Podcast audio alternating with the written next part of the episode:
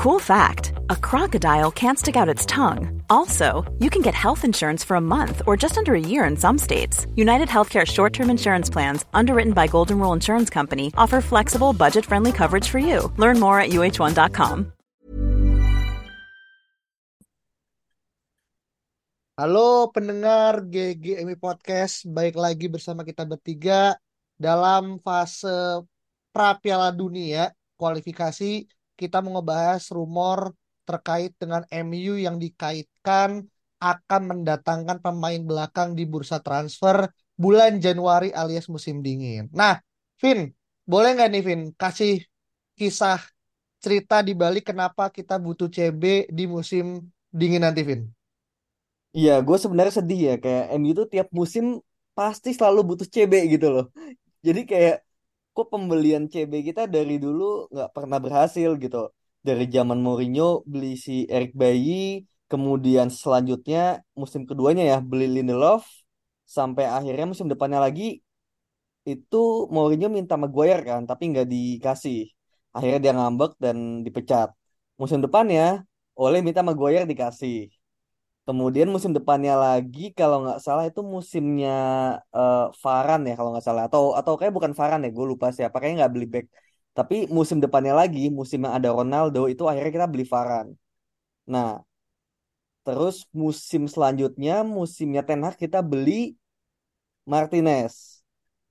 Musim ini kita mau beli CB lagi tapi Maguire nggak mau keluar dan musim depan ternyata kita masih butuh CB gitu. Jadi kayak kita nih dari enam tahun terakhir kita tuh selalu tambal sulam men CB-nya dari beli dan kayak nggak pernah nemu komposisi yang terbaik gitu. Bahkan sampai udah beli Martinez pun ternyata kita masih nggak nemu nih gitu kayak Lindelof katanya nggak uh, not good enough, Maguire juga kayaknya juga uh, terlalu berat ya bebannya kemudian Varan yang kita beli yang kita anggap adalah Champions League Varan ya ternyata di Liga Champions terakhirnya dia mainnya jelek banget gitu loh.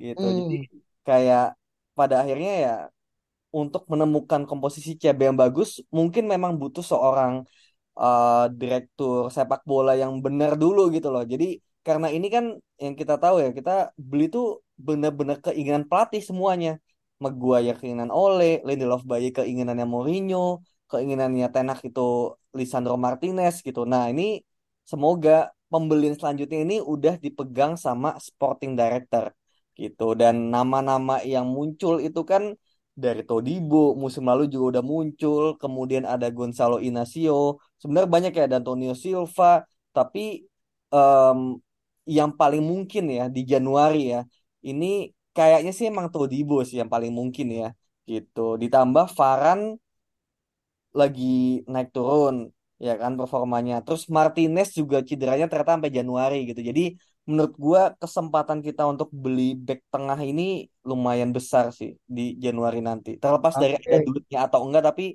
kayaknya bisa dipush dikit sih. Oke, thank you Vin. Berarti akar masalahnya lebih kepada inkonsistensi pemain dan tidak adanya pakem yang utuh dari arahan yang sifatnya default ya. Karena kita selalu berdasarkan dari kemauan pelatih, bukan berdasarkan dari apa yang menjadi kebutuhan secara uh, over overall gitu ya, overview dari uh, tim itu seperti apa gitu kan. Nah, uh, Ung, kira-kira nih Ung, uh, Alvin sempat ngasih spill nama, tapi anggaplah itu adalah opsi. Nah, gue mau nanya ke lu Ya, nih, siapa ya. yang paling memungkinkan nih, Ung? Dan kalau ada lebih dari satu nama, boleh dikasih tahu kira-kira kenapa dia cocok untuk datang di eh, tengah musim, Ung? Wah, ini kalau uh, soal nama mungkin banyak uh, nama-nama baru ya di uh, beberapa minggu ini gitu. Tadi mungkin Alvin juga sempat mention ada beberapa nama seperti uh, apa? Jean-Claire Todibo, terus ada Gonzalo Inacio gitu kan yang ternyata Inacio tuh sempat ini ya, maksudnya udah mereka udah mulai santer ke Bayern Munchen kalau nggak salah kalau si Hmm, Inacio gitu. hmm, Eh sementara kalau eh, Todibo kita punya keunggulan nih gitu kan yaitu yes.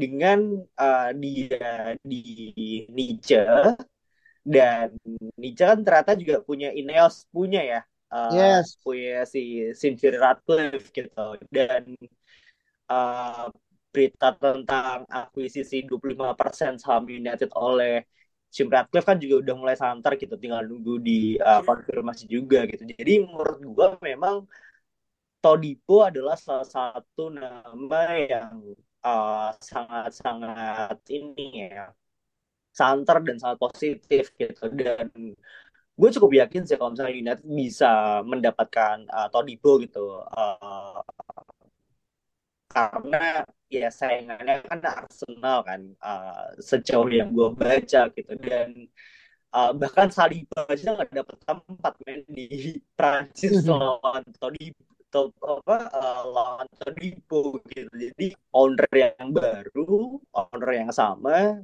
menurut gue sih United harusnya sih dengan mudah ya mendapatkan Todibo ya hmm. gitu.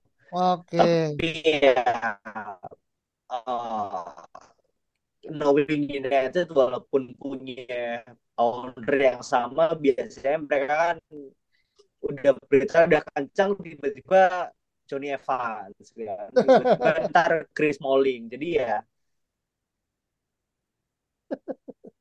Iya iya iya iya iya oke.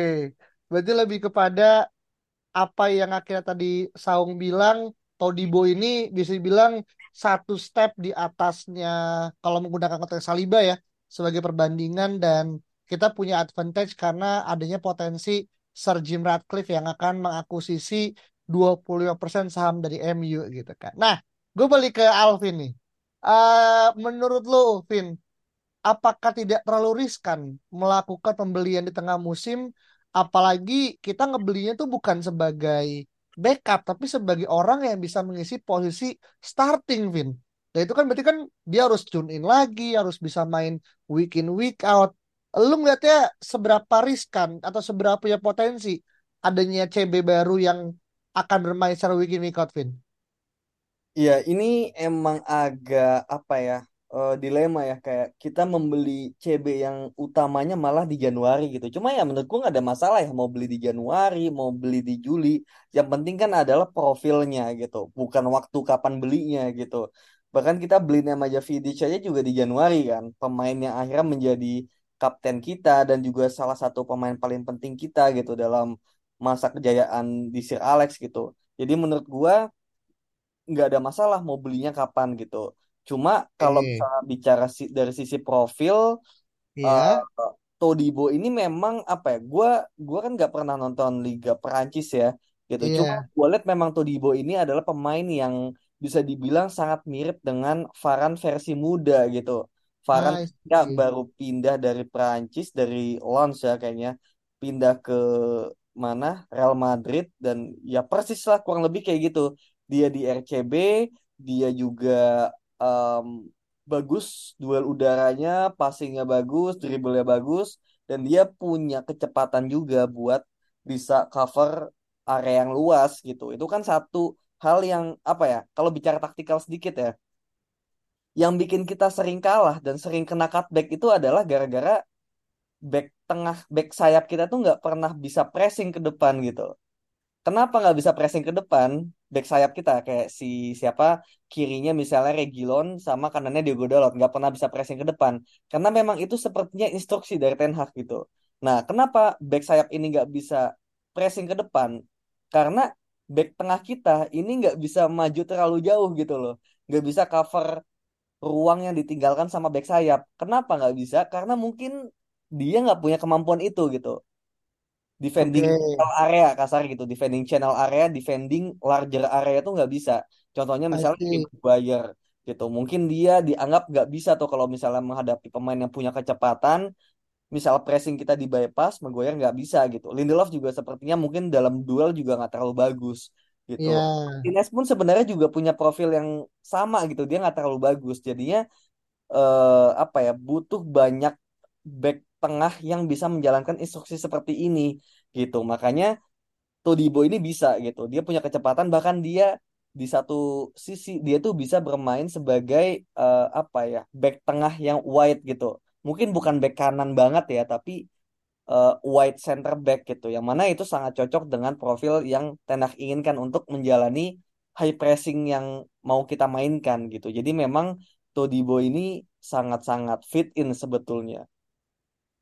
Hmm, oke. Berarti lo ngelihat Todibo ini tidak memiliki resiko yang berlebih karena berkaca pada kedatangan nenek manja Vidic yang turns out dia jadi kayak semacam unsung hero ya, kapten, legend dan berhasil mengatakan MU treble gitu kan. Dan lalu ngelihat Todibo ini memiliki segalanya bahkan sebagai mini Rafael Varane ya eh, dengan porsi yang lebih muda dan mungkin potensial lebih tinggi gitu kan. Nah, gue balik ke Saung lagi gitu kan. Dengan nama Todibo yang akan masuk misal ya, tentang uang dari mana kita minjem ke, kita loan ke, terserah.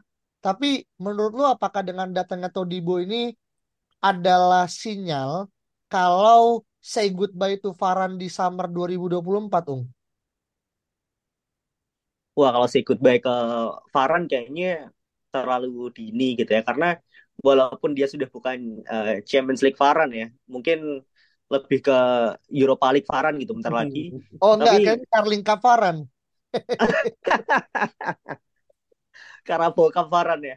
Tapi um, gue sih masih masih yakin Varan meskipun uh, apa namanya sudah cukup senior gitu kan uh, kita masih tetap perlu leadership dia sih sebenarnya gitu dan ternyata dari uh, ramenya media kan bahwa dia ternyata ada uh, apa namanya friksi dengan uh, Ten Hag atau segala macamnya. Ternyata uh, ada satu artikel dari Athletics yang bilang bahwa dia sebenarnya nggak ada masalah ketika uh, Ten Hag mencadangkan dia di derby United, apa derby City United kemarin kan gitu. Jadi kayaknya kita gimana ya kita tuh mesti mesti punya ini sih mesti menghilangkan kebiasaan untuk beli pemain terus selalu jual pemain yang lain gitu. Karena kedalaman squad tuh yang paling penting men gitu. Karena kita nggak bisa serta merta datangin pemain dan berharap dia the next Varane atau the next Vidic atau the next Ronaldo atau apa gitu. Karena gimana ya kayak uh, kedalaman squad tuh tetap yang paling penting gitu. Kayak lo lihat City mereka bisa datengin dan jual pemain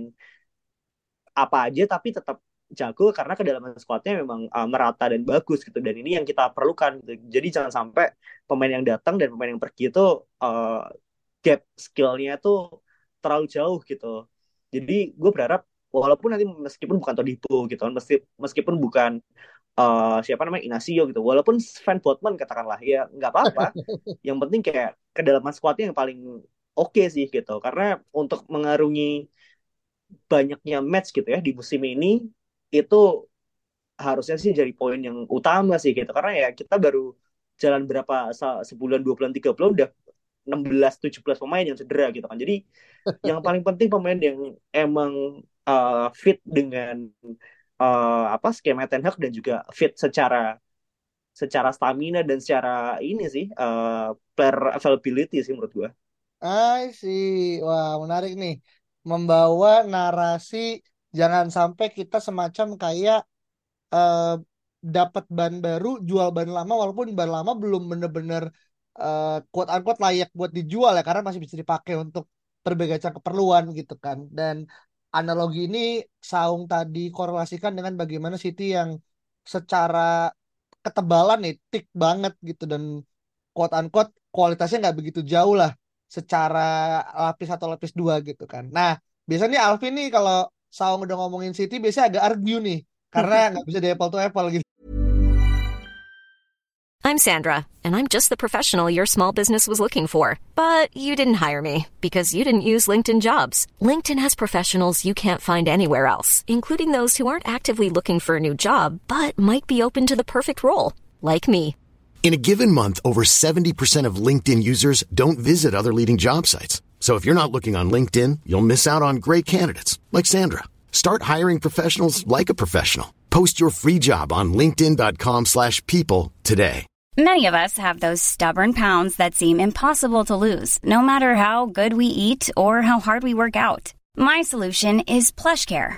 PlushCare is a leading telehealth provider with doctors who are there for you day and night to partner with you in your weight loss journey. They can prescribe FDA-approved weight loss medications like Wagovi and Zepbound for those who qualify. Plus, they accept most insurance plans. To get started, visit plushcare.com slash weight loss. That's plushcare.com slash weight loss. Nah, lu ngeliatnya gimana, Vin, dengan eh, statement Saung yang kita nggak boleh nih menggunakan kesalahan yang sama, beli jual, beli jual. Sampai kapan pun ya kita nggak punya yang namanya backup yang pas untuk mengarungi empat kompetisi gitu kan. Walaupun nanti di Januari mungkin ya kita masih sisa ya dua lah mungkin. Nggak akan pure empat gitu. Nggak, Vin? Iya, ya 50-50 lah gitu. Ada setujunya, ada enggaknya. Setujunya ya memang kita membutuhkan kedalaman skuad itu iya gitu. Seperti Manchester City itu back tengahnya ada 5 atau 6 gitu loh. Tapi memang profil yang mereka punya itu memang unik gitu. Back tengahnya bisa main di posisi lain gitu. John John Stones Stones. back kanan bisa, gelandang bisa. Nathan Ake juga back tengah bisa, back kiri bisa. Bahkan Gvardiol ternyata bisa back kiri juga gitu loh. Jadi Oke. back tengah yang dipilih itu adalah back tengah yang hybrid gitu, nggak cuma satu. Sedangkan back back tengah kita rata-rata itu cuma satu posisi doang gitu, rata-rata ya. Maguire cuma bisa di CB doang gitu kan. Varane juga di CB doang. Malah Varane limited banget cuma di RCB doang gitu. Kemudian Lisandro juga limited cuma di LCB doang gitu. Nah, Lindelof nih yang sebenarnya dia eh, dari sisi versatility lumayan nih. Ternyata back tengah kiri, back tengah kanan bisa, back kanan bisa, back kiri juga bisa gitu.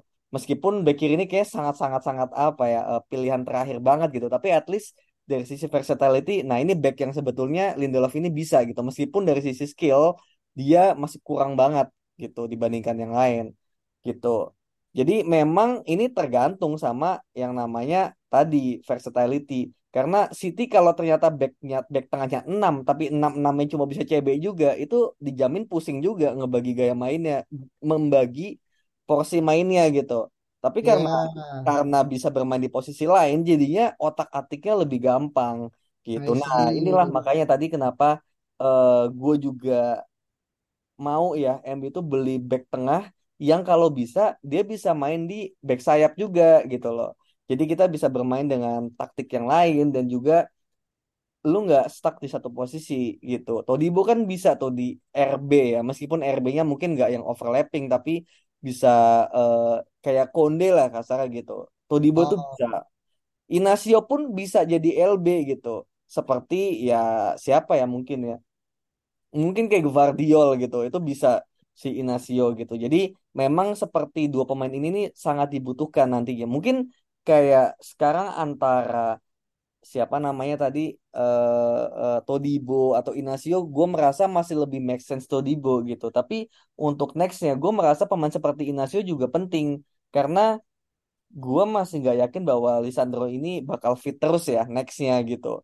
Ketika iya. Lisandro tumbang, menurutku harus ada yang bisa menggantikan gitu dan itu harus seorang back yang apa ya? Pokoknya jangan sampai pelatih ini cuma tergantung sama satu pemain doang dan ketika pemain ini hilang itu langsung ganti taktik total gitu. Itu itu udah salah besar sih menurut gue. Dan itu yang kejadian musim ini sama Lisandro Martinez gitu. Jadi ketika Martinez cedera, gantinya masih ada dan dia nggak akan sering di bangku cadangan karena mungkin dia juga bakal sesekali mengisi posisi bek kiri gitu loh. Jadinya Ya, membagi perannya tuh lebih mudah gitu. Jadi so far sih sebenarnya memang setuju-setuju aja sih. oke. Berarti lebih banyak setuju ya kali ini ya, Vin ya. Ya. Dengan Saung ya ketimbang negatifnya gitu kan. Eh, tapi poinnya yang gue tangkap lebih pada Alvin mengambil sisi versita, eh, versatility ya dari pemainnya City yang entah akhirnya pemain itu udah punya sebelum gabung City atau emang karena Pep Vin yang ngebuat pemain ini bisa memiliki dua atau lebih roles gitu kan. Dan lu setuju nggak dengan statement yang kedua tadi yang gue bilang ini karena ada eh, pengaruh Pep juga? Iya iya iya. Eh, eh. Ya ada pengaruhnya gitu.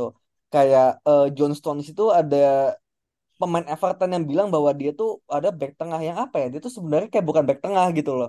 Dia sangat sangat lihai dalam memegang bola gitu. Jadi akhirnya Pep memolesnya gitu dan memberikan sebuah sistem yang memungkinkan dia untuk bermain di sana gitu. Tapi memang dia udah punya bakat gitu. Nggak mungkin yang bener-bener nggak bisa sama sekali disulap menjadi bisa gitu. Itu kayak jarang ada yang seperti itu sih gitu. Ake memang bisa dari dulu dari zaman di Bournemouth kan memang dia udah bisa dari Chelsea juga dia udah bisa back tengah dan back kiri juga. Gvardiol juga di Leipzig juga udah bisa kayak gitu. Jadi memang profil yang dipilih memang punya potensi gitu. Jadi bukan 100% dari Pep. I see. Jadi ini ya half-half ya. Jadi Iya. kayak pemain udah punya bakat dipoles oleh Pep yang akhirnya ngebuat jadi sempurna gitu kan. Dan tadi pas lu bilang eh, semacam kayak John Stones tuh memberikan warna baru ya dalam dunia cewek modern. Gue inget kayak perannya Muller di Munchen sebagai Rom Deuter gitu ya. Tapi gue gak tahu apakah perannya Stones tuh ada nggak ya nama yang saintifik gitu. Ya kayak ya kayak Reum Deuter tapi ala di di belakang gitu, Vin. Lu lu pernah Oh, dengar gak? Ada entar lu baca dari eh, Atletik atau apa segala macam. belum ada sih, belum ada, Belum ada. belum ada. Oke, nggak apa itu trivia. Iya, Karena gue ngerasa kayak, oh nih Johnson nih Muller pas zaman-zaman konteks Reum Deuter mulu. Mu- Mulai ya, maksudnya buat orang bilang ya itu kan sebenarnya nomor 10 gitu ya. Atau nomor 8 yang dibuat lebih advance dan membayangi eh, striker tapi L ada terminal sendiri gitu. kayaknya Nah, ada deh. Gue lupa apa? namanya apa ya? Gue lupa nama advance center back atau Ah, apa center back gitu. Oke. I Ada ada ada namanya Ada kalau ya? nggak salah. Ada ada. I see, I see. Oke, berarti udah mulai ya muncul termin dan bisa jadi semacam kayak patron ya, karena kan gue banyak lihat juga banyak pelatih-pelatih yang akhirnya eh, rujukannya adalah Pep Guardiola gitu. Jadi kayak tentu apa yang sukses di City kemungkinan besar akan dicoba diamplifikasi juga ya di tim-tim lainnya, termasuk juga di negara atau di mana segala macam gitu. Nah, paling terakhir nih gue mau nanya ke Saung gitu kan. Dari tadi kan sebenarnya kita berkutat pada nama-nama ya kayak eh, Todibo atau bahkan semacam kayak Inacio. Walaupun Inacio agak sedikit lebih toning down ya karena kita tahu pasti Sporting mintanya besar tuh digetok tuh. Harganya mungkin bisa nyentuh angka 70 gitu kan dan dia yang punya potensi gitu. Nah, pertanyaannya gue gini, apakah ada opsi selain daripada merekrut pemain dari luar, tapi kita juga bisa mempromosikan pemain dari internal? Karena kita juga tahu kalau secara eh, skuad MU memang akhirnya beberapa nama ya kayak Kobi Mainu, terus juga Ahmad Diallo dan ya Garnacho lah kalau dari lu sebagai star boy-nya kan datang dari Carrington dalam porsi dia sebagai akademi gitu. Karena lu ngerasa ini tuh jadi salah satu opsi nggak sih Ung untuk back nih kita coba tarik deh satu nama gitu. Karena gue tuh udah lama nggak denger ada back MU yang itu bisa menembus starting gitu.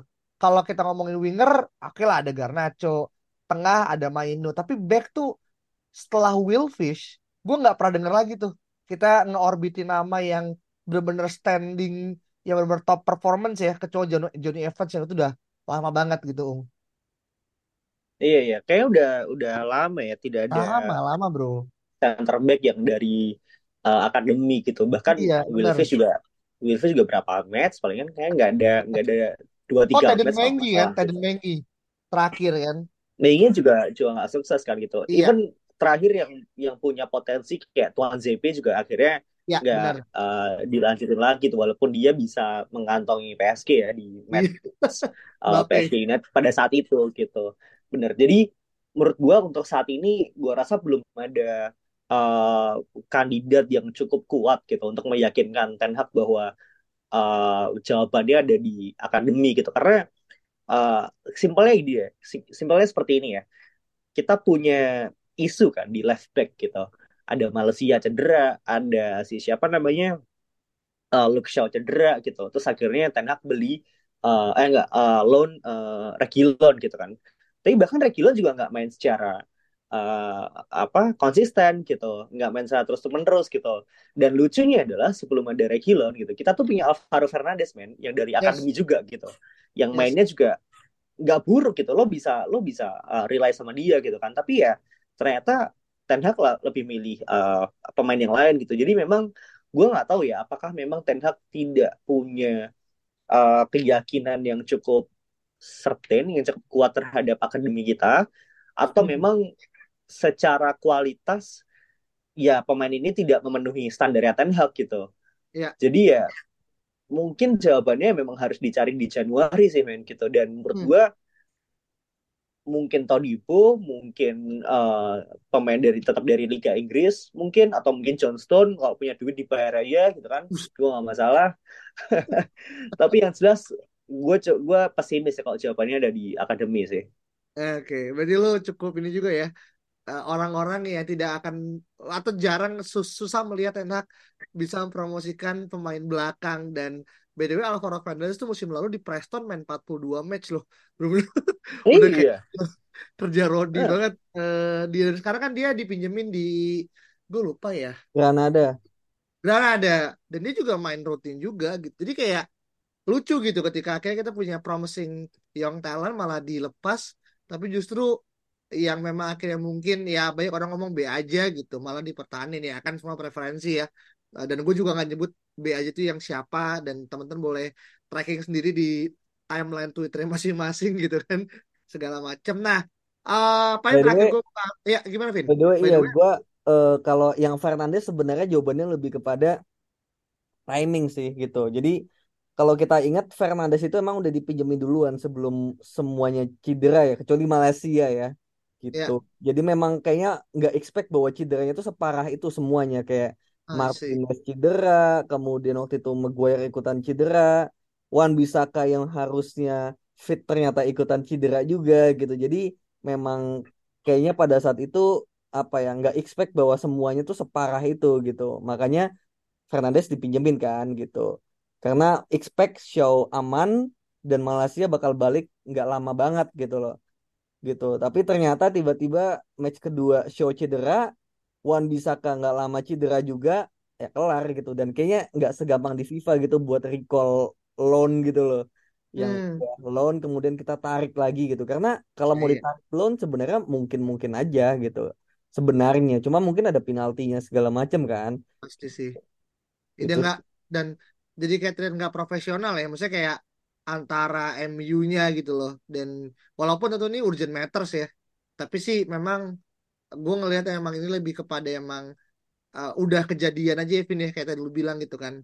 Dan mungkin kalau Ten Hag udah punya opsi ini dari awal mungkin bisa jadi Fernandes stays gitu kan. dan Nah, dan jadi dan suwe suenya lagi kan si Brandon Williams juga udah terlanjur dipinjemin juga kan. oh iya ke Iya, Ipswich itu Town. Betul itu memang kejadiannya emang udah jauh sebelum show cedera gitu. Jadi memang ini apa suwe aja gitu. Suwe Ya, iya. dua LB kita dipinjemin tiba-tiba LB-nya habis semua. Iya iya sih. Dan ini gue nggak tahu ya kayak banyak orang ngerasa katanya ya Alvaro itu lebih cocok jadi LWB gitu ketimbang LB. Jadi kayak ya dengan skema 4-2-3-1 dia kayak nggak nggak bisa katanya gue nggak tahu sih kayak gue juga di Preston juga nggak nonton nonton setiap match ya tapi emang dia emang sangat agresif gitu sih untuk masuk ke dalam ya Eh, segala macam gitu kan penetrasi gitu. Jadi well banyak hal yang kita nggak tahu dan hanya Ten Hag dan manajemen yang bisa uh, menjelaskan. Tapi gue sih berharap banget musim depan Alvaro punya chance lah. Terlepas mungkin ada cedera atau enggak. Tapi buat gue sih LB kita udah punya tiga dan tiga-tiganya beda generasi dan saling melengkapi sih. Eh, kalau ngomongin LB ya, CB-nya bisa beda cerita gitu. Paling itu aja teman-teman dan kalau teman-teman punya nama lainnya yang mungkin belum sempat kita bahas dan menarik untuk bisa menjadi opsi MU di bulan Januari, langsung aja reply di Twitter at GGMI Podcast dan kita ketemu lagi di episode berikut ya. Bye-bye.